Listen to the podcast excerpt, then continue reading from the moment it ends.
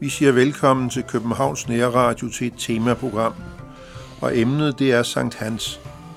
Og gæsten det er Henrik Jul Petersen, pastor emeritus, tidligere sovnepræst ved Henriksholms Kirke. I Rødovre. I Rødovre, ja. Ved Damhussøen. Ved Damhussøen, ja. Og øh, jeg selv hedder Jesper Sten Andersen. Hvad er Sankt Hans? Ja, det er nu her i juni morgen i midsommer, hvor det mange gange desværre i Danmark regner, men øh, der samles vi bål rundt omkring, og der er en båltale. Så øh, det er en festlig holdelse af midsommeren. Så det men der, der er mange ting forbundet ved, med, med Sankt Hans, især bålet. Der, ja. der står vi og, og så synger øh, Drakmans øh, midsommervise, der er taget for, der var en gang af skuespil. Øh, men den synger vi, og, og den taler om Sankt Hans. Og så står vi så og drømmer lidt øh, og kigger ind på flammerne, og så går tankerne rundt omkring, man ser flammerne og bålet, og det er måske lidt halvkøligt, det og så småregner det lidt, holder det nu, øh, og så står vi alligevel der og synger, og, og der ved vi, vi synger faktisk om, at man i tidligere tid, der festede man virkelig, øh, ungdommen øh, dansede hele natten, øh, og der er mange skikke, der er forbundet med, med Sankt Hans. En af de ting, man forbinder med, med, med Sankt Hans, det er jo også heksen, der ja, til det, det, det, ja, der står man jo også, for det er jo egentlig noget forfærdeligt noget. Man tror på, på heksebrænderi i gamle dage, jo, det var det mest absurde med inkvisitionen og sådan noget. Men det er egentlig ikke det, det drejer sig om, og det, det er en, en skik, der er kommet fra Tyskland, og den er egentlig ikke så udbredt.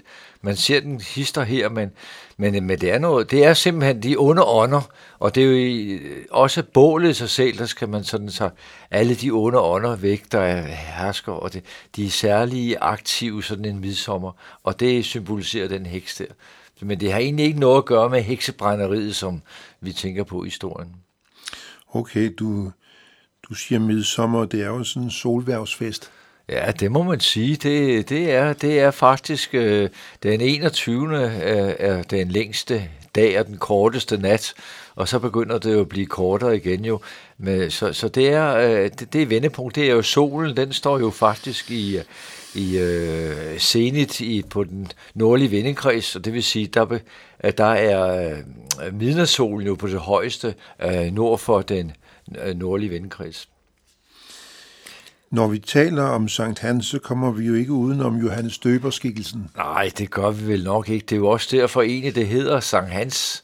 Uh, Sankt Hans dag, det er den, den 24. juni, og øh, der er men det er svært at udrede trådene, men der er jo altså en forbindelse på en eller anden måde, at det er øh, 24. Det er ganske den 25. december, hvor Jesus bliver født, og der er lige netop et halvt år imellem mellem det, så der er på en eller anden måde en, en forbindelse. Der er bare også en interessant lille ting ved Sankt Hans den 24. juni. Fordi øh, normalt hver eneste dag i året har jo en, en dag, om som er et navn. Og, og det er som regel en helgen øh, øh, navn fra, fra Oldkirken, der led martyrdøden osv. osv. Øh, og så derfor er det altid, at helgendagene, det bliver altid nævnt med, med, med folks dødsdage. Og det er på en eller anden måde en fødselsdag for, at man går ind i himmeriget. Så man markerer faktisk helgernes øh, dødsdage med navne på dagene. Men der er bare en undtagelse. Det er faktisk Sankt Hans og Jesus fødsel. For der markerer man nemlig øh, Johannes Døberens fødsel øh, et halvt år før Jesus. Mm. Og, og mhm. disse to dage, det er fødselsdage. Og så skal vi lige have en lille øh, krølle på det. Det er, at Johannes Døberen, ved vi jo godt, blev, blev henrettet og, og halshugget. Og, og øh, vi, fejrer, vi, vi har også en dag i kirkeåret, hvor der er Johannes Døberens henrettelsesdag, og det er den 29. august. Men altså, at Sankt Hans aften, han, Sankt Hans dag den 24. juni og Sankt Hans aften den 23. juni, det er markering af Johannes Døberens fødselsdag. Jeg har noteret ned her, Lukas 1.36, der står der noget om, om forholdet mellem Johannes Døber og så og så Jesus. Ja, de er jo på en eller anden måde, man kan ikke rigtig finde ud af, om de er fætter eller halvfætter, men uh, det er jo det her ved det, at da vi hører, at da Maria hun får at vide, at hun skal føde Jesus, så tager hun så til sin slægtning og rejser faktisk temmelig langt, uh, og, og besøger sin slægtning Elisabeth. Mm. Og hun venter, hun er faktisk i den 6. måned. Der har og vi der, den. Ja, netop. Og det er, det er faktisk en 6. måned, det vil sige, der er, der er seks måneder imellem Jesus og Johannes. Ja. Så der er uh, en forbindelse der. Det var jo lidt specielt der, da, da Johannes Døber blev, blev, øh, blev født.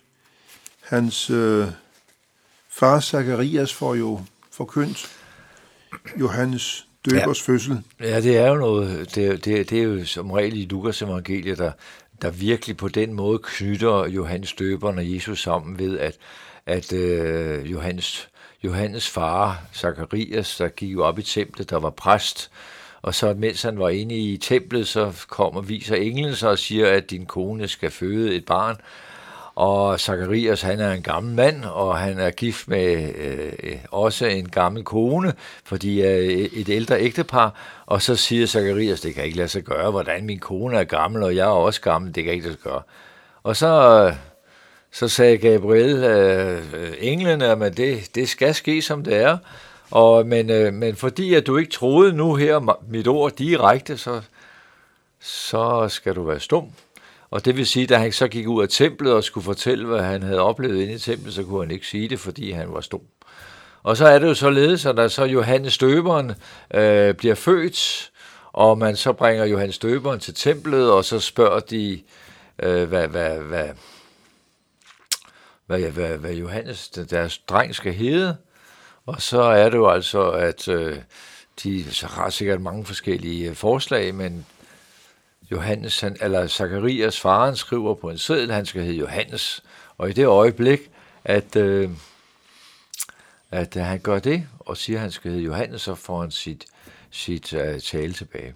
Så der er der en eller anden øh, underfuld ting ved, ved, ved, ved, ved, ved Johannes Døberen, således at, at de knyttes sammen på en eller anden måde, så Johannes Døberen, som jo har den stilling i det nye testamente, er på en eller anden måde en forløber, en forbereder, en, en der går forud på en eller anden måde for Jesus. Og det knyttes sammen ved, ved disse beretninger i, i Lukas evangeliet. Hvad var Johannes Døber for en skikkelse?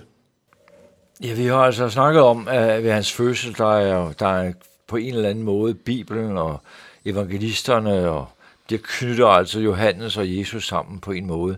Men øh, det kommer også frem i evangelisterne, øh, evangelierne, at, at øh, Johannes, han, han, han er jo altså det lidt ældre end Jesus af gode grunde, men så, så træder han jo altså også fremtidigt og sikkert, øh, så, så han træder frem og, og, og så peger øh, på denne kommende messias, Guds rige er nær, og, og I skal omvende jer, øh, for der kommer en efter mig, der er meget større end mig. Det, det er Johannes øh, forkyndelse, som, som en evangelierne starter med.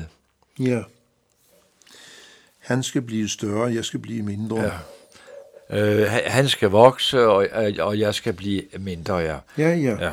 Og der er det altså, at jeg er ikke værdig til at løse hans skorem, og jeg skal døbe mig vand til omvendelse, men han kommer og døber med heligånden. Så, så han er en forløber, en forbereder. Øh, så det, det er sådan set også det, som I, jeg gerne, øh, gerne have, at vi, når vi nu knytter Sankt Hans aften med vores skikke sammen med øh, bålskikken sammen med, med Johannes Støberne, så vi egentlig tænker lidt på den skikkelse, og hvad egentlig han sagde, når vi står der med de her øh, flammer, og vi hører øh, træet gnistre jo, og bålet er, så må vi godt tænke på, at Johannes Støberen står der og peger på, på, på Jesus som Guds lam, en gammel betegnelse i Gamle Testamentet, han er Guds lam, der bærer verdens synd. Jeg synes, vi skal stå op, slå op på Matteus evangeliet kapitel 3, øh, vers 8, og der står nogle, nogle øh, ting der om Johannes Døberen, der ligesom tegner lidt et portræt af, hvem Johannes Døberen var. Det er Johannes, eller Matthæus øh, kapitel 3, vers 8 og, og 10.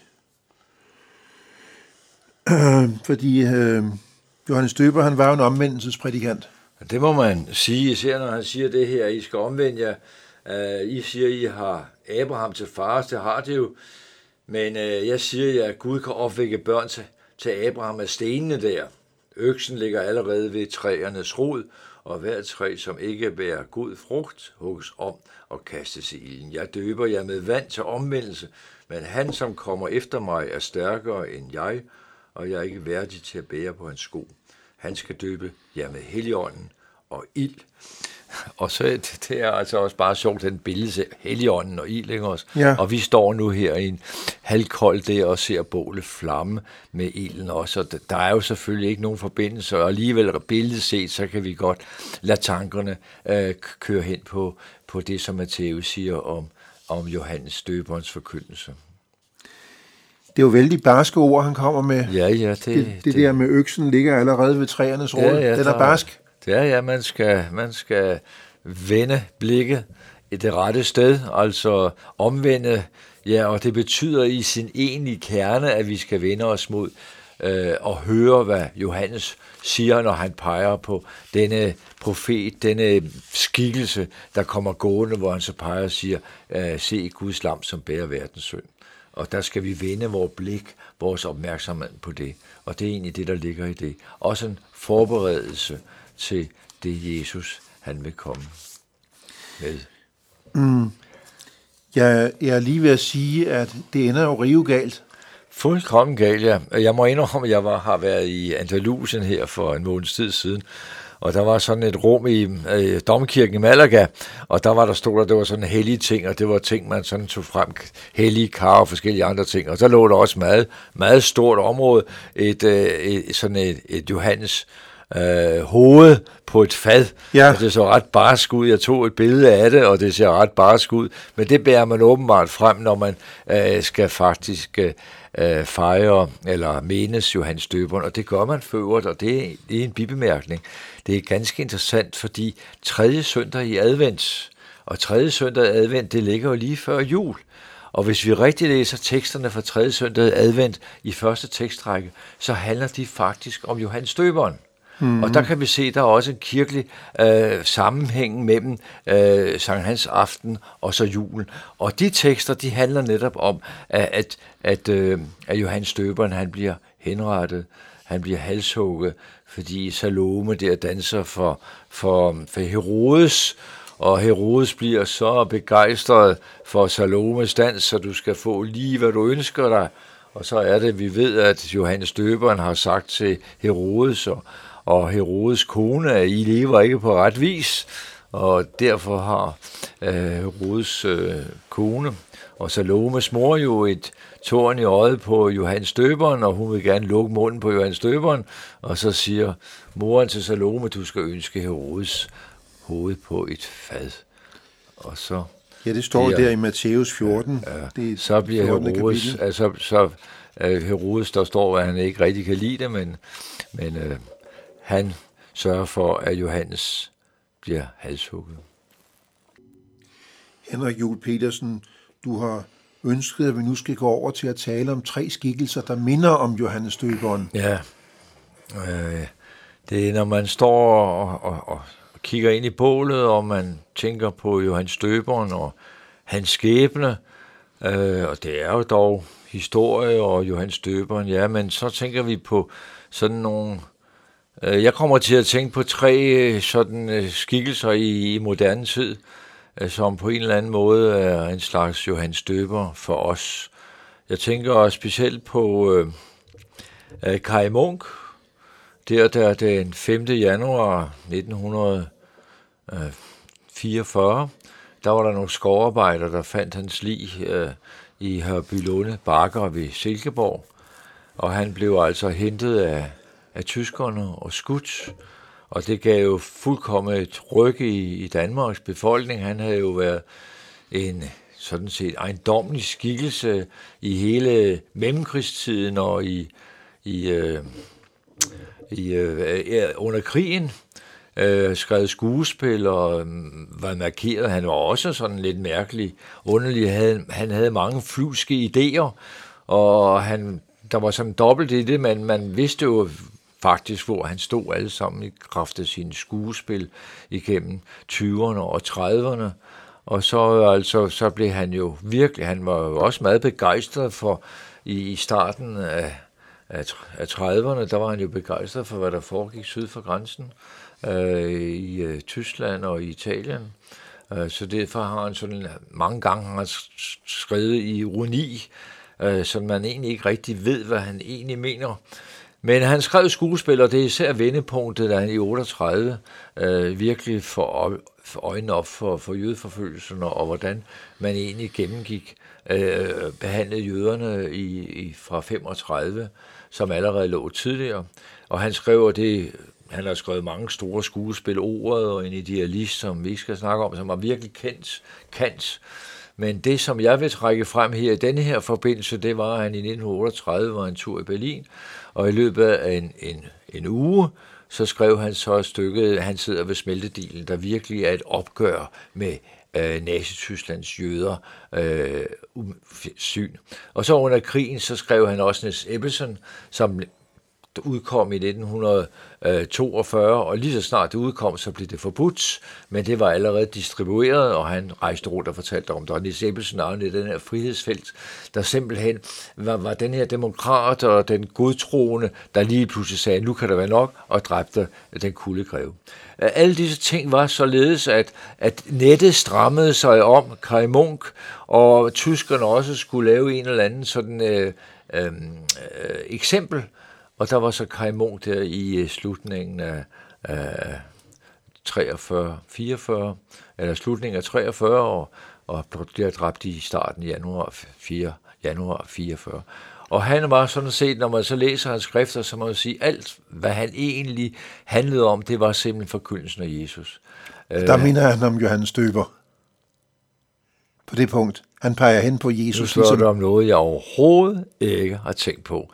Øh, det gør han på den måde, at han er Johannes Støberen på den, undskyld, han er Johannes Støberen på den måde, at han, han hele hans dramatik og hele hans forkyndelse, prædiken og hele hans optræden peger på én ting, Jesus.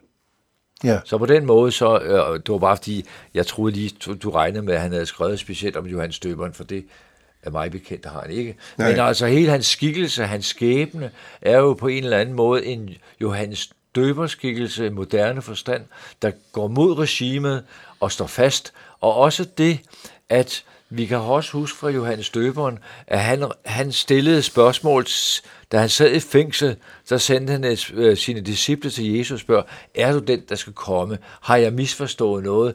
Eller er du den, der skal komme? Og så får han Jesus svar tilbage, at du bare se på evangeliet, vi forkynder, så videre. Og, og det samme er der også med jo, at Kai Munk, han havde muligheden for at flygte, han havde muligheden for at, at stikke til Sverige, men han sagde, at ja, han, han, han stod fast på troen på det. Han ville jo totalt have været, øh, man ville jo miste hans, hans troværdighed, hvis han var flygtet, mente han selv. Og på den måde er Kai Munk en moderne øh, Johannes skikkelse, som jeg kommer til at tænke på, når jeg står og kigger på flammerne i Sankt Hansbålet. Han fik også en ond skæbne. Det må man sige. Det må man sige. Og et, et, der har jo virkelig været debat om ham efter, efter, efter krigen, hvor man mange har nogen, øh, ignoreret ham, og han blev aldrig rigtig, jo, han blev anerkendt, men alligevel så fik han ikke, har han ikke fået den anerkendelse, som han egentlig burde have haft. Men det var utroligt at tænke sig, at i 30'erne, så var der, så var der ikke et eneste, der var på et eller andet sted i Skandinavien et teater, der opførte skuespiller Kai Munk. Det er jo helt fantastisk. Og, og, og han var en så stor øh, drama, øh, øh, øh, så, så der har han ikke fået den anerkendelse i, i litteraturen, som han burde have. Jeg kan huske, at jeg læste en, en, en bog om Kai Munk af Per Stig Møller. Ja, ja, det... så, holdt, så holdt han en, en, øh, en forelæsnings øh, eftermiddag for, for arbejdsløse i KB-hallen. Tænk sig, der dukkede en 3-4.000 mennesker op. Ja, ja. Ja. Er det ikke utroligt? Jo. Så ikke et navn at have. Ja, ja, ja, det er rigtigt. Det, det, det er helt fantastisk. Det er helt fantastisk, ja. Den første skikkelse, vi kiggede på, Kai Munk, han var født i 1899. Den næste, vi skal kigge på, han var født i 1906. 6, ja. Og, Og det, er jo, er det er jo sådan set samme generation jo. Ja, Ja, Men altså, når nu har vi talt, og jeg tænker på Kajmon der, og så vil jeg også lade tankerne gå videre midt i flammehavet øh, til at, at Dietrich Bonhoeffer, den tyske teolog, der blev født i 1906 og blev henrettet den 9. april 1945, 14 dage før Hitler, han øh, begik selvmord i bunkeren i Berlin.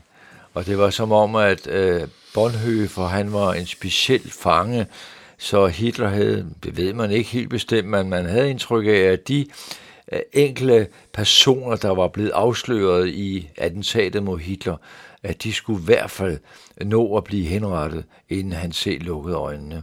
Så derfor gik der bes, speciel befaling af Bonhoeffer, der sad i fængsel, at han skulle blive, blive henrettet.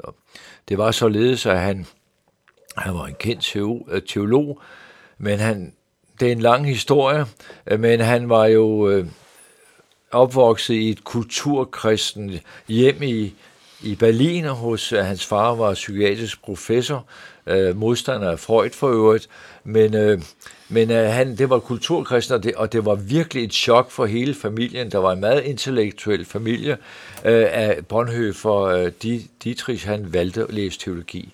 Nå, men han har en, en spændende karriere, men det væsentligste i Bonhoeffers liv, det er, at han i 30, da Hitler tager magten, øh, får magten der af Hindenburg, øh, der taler Bonhoeffer i radioen.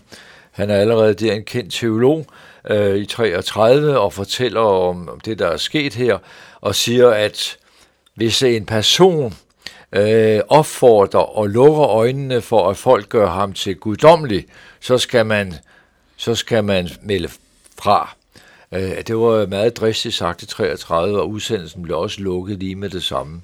Men det er at sige, det har han allerede set de farer, der var i nazismen, og det var også således i 33, og, og nazisterne og Hitler prøvede virkelig på at, at omforme den tyske kirke, og den gik meget langt af vejen med til det, øh, og, og det er jo noget forfærdeligt noget, den tyske kirke, men der opstod så en protest bekendelseskirken, hvor man stod fast på evangeliet, og man skulle ikke lade sig en øh, man skulle ikke simpelthen, det var jo så den tyske kirke, der blev det således, at Hitler blev et slags messias, og denne bekendelseskirke gik mod det, og arbejdede øh, i starten i det skjulte, blev mere og mere åbent. Men der var Bonhoeffer med i det, og han blev så også øh, på mange måder, øh, var han leder af bekendelseskirkens øh, private præsteseminar i Pommern, og der arbejder han i to år, og nazisterne stod skævt til det, og det blev altså således, at han blev fængslet til sidst, øh, men uden grund og uden dom. Øh, fik ikke nogen dom, og der sad han i fængslet, og så blev han skrev faktisk øh, nogle fantastiske teologiske værker i fængslet og i forbindelse med fangenskabet, øh, hengivelse. Øh. Men, øh, men, men nogle kendte stykker og arbejde med kristen etik, hvor han sagde simpelthen, at mennesket er, vi er blevet myndige, og, og, og hvordan fortæller vi om Jesus ind i en totalt sekulær, øh, myndig verden. Det var hans teologiske problem. Øh, men med hans liv, der var han jo så from, og han blev virkelig et, en, en, en, en uh, sjælesørger for de andre fanger i fængslet, så han blev virkelig sådan en, der gav mod, når det så mørkest ud. Og så en dag, da han skulle holde til sidst, skulle holde, havde en gudstjeneste blandt katolikker i fængslet, så kom de så og sagde øh, øh, Bonhoeffer, og så førte de ham ud, og så blev han øh, henrettet efter meget tortur. Og det skete den øh, 9. april 1945, og det skal også siges, at familien allerede i, i maj måned, så var der en øh, familiens naboer, de hørte opfanget ordet Dimitris, øh, nej, øh, ja, Dimitris Bonhoeffer i radioen, og så viste det sig simpelthen, at denne radio fortalte om, at der var lavet en mindegudstjeneste, der var en mindegudstjeneste i, i en engelsk kirke i London, og, og derfor naboerne gik så over til familien Bonhoeffer og sagde, at at deres søn var skudt. Det vidste de ikke før, de fik det at vide via en mindegudstjeneste i London. Men altså, når man følger Bonhoeffers skæbne, så er det også i moderne tid en, en, en Johannes Støberen, der sådan set peger på Kristus ved sit forkyndelse og sit liv. Øh, og han havde mulighed for at flygte, han havde mulighed for en karriere i USA, men han tog tilbage til Nazi-Tyskland for at kæmpe øh, øh, og, og stå fast på vidnesbyrd om Kristus. Og derfor er han for min mening også sådan en, en moderne Johannes Døberen, når vi står og kigger ind i Sankt Hans bålet med flammer. Ja, Henrik Jul Petersen, den sidste skikkelse, du ønsker at komme ind på, ham har du faktisk mødt personligt, han er fra 1929. Ja, det er faktisk, ja, det, det, er, det er helt personlig oplevelse. Men han er også en af de helt store skikkelser, som, man som vi her i Danmark ikke kender så godt som Kai Munk og øh, Bonhoeffer. Men øh, det kommer så af, at vi skal tilbage til 70'erne med den øh, etiopiske revolution, kommunistiske revolution i Etiopien i 74, da kejseren blev afsat. Og øh, øh, der var det således, at øh, man indførte et kommunistisk regime der i 70'erne, fik støtte fra, fra øh, Tanzania, fra Kina og fra, fra Cuba og fra Rusland. Og, og, og der prøvede man så at, at lave et nyt samfund og fylde simpelthen alle formerne ud i kommunistisk ideologi. Og det blev jo således så, at, at man så også førte ateismen ind i et afrikansk land. Øh, Gunnar Thomser, han var generalsekretær for Mekane Jesuskirken, øh, den lurske kirke, ikke den ortodoxe kirke, men den lurske kirke, der er verdens øh, øh, hurtigst voksende lurske kirke i dag. Der er cirka 5-6 millioner ind, øh, øh, øh, medlemmer. Det var der ikke dengang. Der har vel været 250.000, øh, tror jeg nok, på, på det i 70'erne. Øh, men altså, øh, Gunnar Thomsen var overbevist socialist, Øh, nu er det sådan, når jeg siger generalsekretær, så er det en slags biskop, fordi konstitutionen i Mekanesuskirken var bygget op på en anden måde. Der var en biskop, og der havde man generalsekretær og præster, men, men generalsekretæren var den, der tegnede firmaet som en slags ærkebiskop. Og det var Gunnar Thomser, og han var erklæret øh, socialist. Øh, han gik ind for en omvæltning af samfundet, fordi det var et middelalderligt samfund. Øh, nå, men øh, men han ser også hurtigt lige pludselig det dæmoniske og det, det, øh, det ateistiske i øh, socialistisk del, så han får sådan lidt, men han kæmper stadigvæk på en omformning i Etiopien. Men øh, det er således, at øh, det, det spændes mere og mere til det socialistiske, og det, jeg var jo selv i Etiopien på et tidspunkt, jeg kender ham selv, en fantastisk personlighed, og så kan jeg huske på et seminar, vi havde i Mekanesuskirken, der skulle handle om socialisme og kristendom. Hvordan skulle man som kristne, øh, hvordan skulle man som kristne opføre sig i et socialistisk land, når statsmagten chikanerede kirken ved at lægge folkemøder lige i gudstjenestiden og anklagede præster for at være, være våbenbesiddelse. Alle sådan nogle ting chikanerede, der fængslede præsterne for unødige ting. Og så er det Gunnar Thomsen på det her ugemøde, som jeg oplevede. Han var der den første dag og den sidste dag, mandag og fredag. Og så bød han velkommen om mandagen, og så kom han igen om fredagen, og, og, og disse kurser bestod af, af cirka 40-50 etiopiske præster, og vi var nogle enkelte missionærer, og jeg fornemmede på hele det kursus, at man prøvede på at snakke sig til rette, men præsterne troede egentlig ikke rigtigt på hinanden. De var egentlig bange, de lurede på hinanden for ikke at blive angivet, fordi samfundet var også med angivelse.